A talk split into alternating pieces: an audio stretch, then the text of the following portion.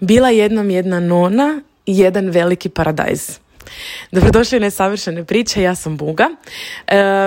danas ću vam zapravo početi sa pričom o svojoj noni. Moja nona, znači, moja familija je iz Vinodola, znači tamo oko Krka sa kopnene strane, e, tatina strana familije, tako da ja njegovu mamu ne zovem baka, nego nona.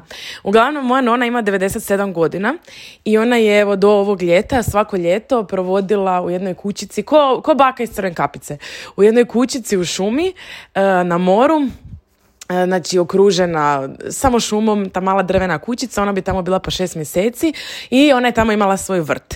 Um, ove godine nije uspjela otići dolje na more, ali na svom balkonu i dalje ima vrt kojim se ona bavi. I ono što meni divno je svaki put kad bi ja došla kod nje dolje u tu njenu kućicu uh, ili sad na balkon, uh, uvijek bi me uzela za ruku i, i sad kažem isto na balkonu me uzme za ruku da ti nešto pokažem. I onda im ja dvije idemo u jedan, jedno istraživanje njenog vrta. I ona meni pokaže, i ona tako sa tim svojim rukama, ona tako nježno tu svaku biljčicu koju ona uzgaja, pokaže pa dotakne pa kaže vidiš nisu mi baš uspjele, ovo mi baš nije uspjelo, došle su mi divlje svinje, ovo sam rano posadila pa ali ne radi, ne znam zašto. A onda kad ima posebno, uvijek bude posebno ponosna na svoje tikvice i na svoje paradajze. E, prošle godine kad sam bila, još kak je prošle godine bila na moru, e, ona obično uzgaja više vrste paradajza, uglavnom uvijek ima volovsko srce i bio je taj, taj ogromni paradajz, baš je onako ogroman uspio. Taj ponos u njezinim očima, njezina postura kad je ona stala pokraj njega i pokazala mi ga i tako je lijepo ono zagrlila sa tim svojim rukama. I to sam opet vidjela ove godine kad sam došla i uspjele su joj jagode na balkonu su joj uspjele jagode. Onda ona svaku tu jagodicu uzela u ruku, onako pomazila je i gledala je u mene i kao, vidiš kako su mi uspjele jagode. I toliko je ona bila sretna i toliko je bila ponosna. I razmišljam o njoj zadnjih dana, razmišljam jako puno o temi uspjeha. I kako svi kao, svi mislimo da imamo tu nekakvu vrlo univerzalnu sliku što je uspjeh u svakoj branši, u svakom, ono, na svakom životnom putu, ono, u svakim okolnostima, točno znamo ono ko, ko kad slažeš, ne znam, legiće, točno znaš koji legić ide gdje, ovis, ili ono, odabrala sam da slažem kamion, znam kak taj kamion na kraju mora izgledat. Tako i mi, aha, ovo je, ovu si karijeru odabrala ili ovaj, ovo, u ovim okolnostima živiš sa ovakvim uvjetima, znači uspjeh za tvoju priču je taj. Kao da ono dođeš pa da bireš e, pričice, znate na što mislim, nebitno. Uglavnom, e, a to zapravo uopće nije istina. To uopće nije istina, jer za moju nonu, za nju je naj, ono, uspjeh neviđenih razmjera kad njoj uspije volovsko srce. I ti vidiš da to nije ono, ja sam se sad zadovoljila. Ne, njoj je to, to je ona to misli svaki dan, ona se probudi ujutro odmah ide baviti se sa svojim biljkama, ona s njima razgovara taj vrt je njezin svijet i taj, to volovsko srce, ona je zaista na njega iskreno ponosna. I onda mi kao, no, ne znam, ova osoba je neuspješna, ali kako ti znaš? Jer pitanje je šta toj osobi znači uspjeh u njihovim očima. Ja sam se dugo mučila s ovom temom jer sam si mislila, a ne, ovaj način razmišljanja je samo izlika kao, jer ja ne pjevam trenutno u skali, pa nisam uspješna, pa je to sad samo izlika za mene da se kao tješim. Ali ti duboko u sebi znaš, ako počneš razgovarati sa svojim tijelom, da li zaista ono, te muči neka misao ispod ili zaista imaš mir i zaista znaš da je to za tebe. Isto tako način, moj način života, za nekog možda ko vidi, ne znam, na Instagramu, ja sam sad u četiri dana bilo pet različitih gradova. I za nekog to može biti oh my god, wow, a nekom to može biti ajme grozno.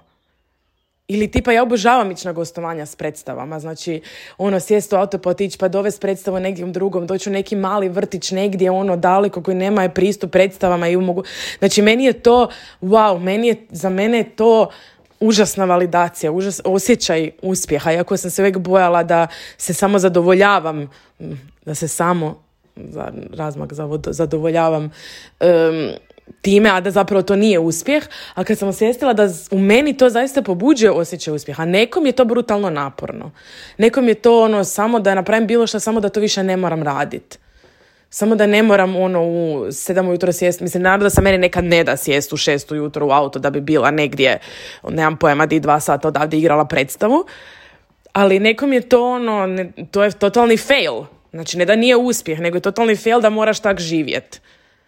Tako da imamo jako, jako različite percepcije uspjeha. I sad je pitanje da li je ono što mi vidimo kao uspjeh naše zaista ili nam je nametnuto da to tako mora biti. I ako imaš definiciju uspjeha koja je vrlo ono mm, se slaže sa onim što je neka generalna slika što je uspjeh, to je sasvim ok. Nije da je to, a ne, ne, ti si kondicioniran. Ne. Ja imam ideje za sebe, za još puno toga, ne kažem ja sam, evo ja sam svoje odradila. Ne. Znači ja imam neke konvencionalne ideje uspjeha i su i moje ideje uspjeha. A, tako da ne govorim da kao ne, ne, mi smo si to svi namje, na, ono, svi smo si ti to e, nametnuli, ali zapravo to uopće nije uspjeh. Ne. Ali zaista je moguće ima ljudi kojima taj konvencionalni uspjeh ne znači ništa.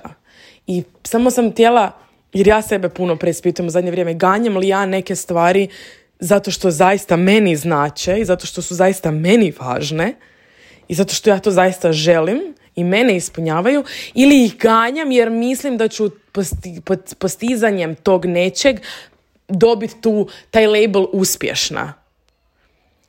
To je ono što je glavno i zato mi je moja nona je takav divan primjer gdje ona ona se ne želi ići natjecat u volovskim srcima i sad da ima dokaz da je, nekom je to full važno i to je ok.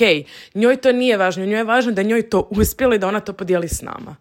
Isto kao što ja prije nisam imala sam jednog kolegu u Švicarskoj koji je meni pričao kako on sam želi uh, imati kuću sa vrtom negdje u šumi u Švicarskoj i eventualno pjevat u, ono, u nekakvom zboru, e, možda biti zborovođa u crkvi ili ovak nešto i da on o tom sanja, da njemu ovo se previše, se mislim ona kaj si ti zabrio frenda, ne nek si onak kao bojiš se da nećeš uspjet jel, u onim standardnim ono, parametrima šta je uspjeh u opornom svijetu, pa si si ti onda to tako odlučio.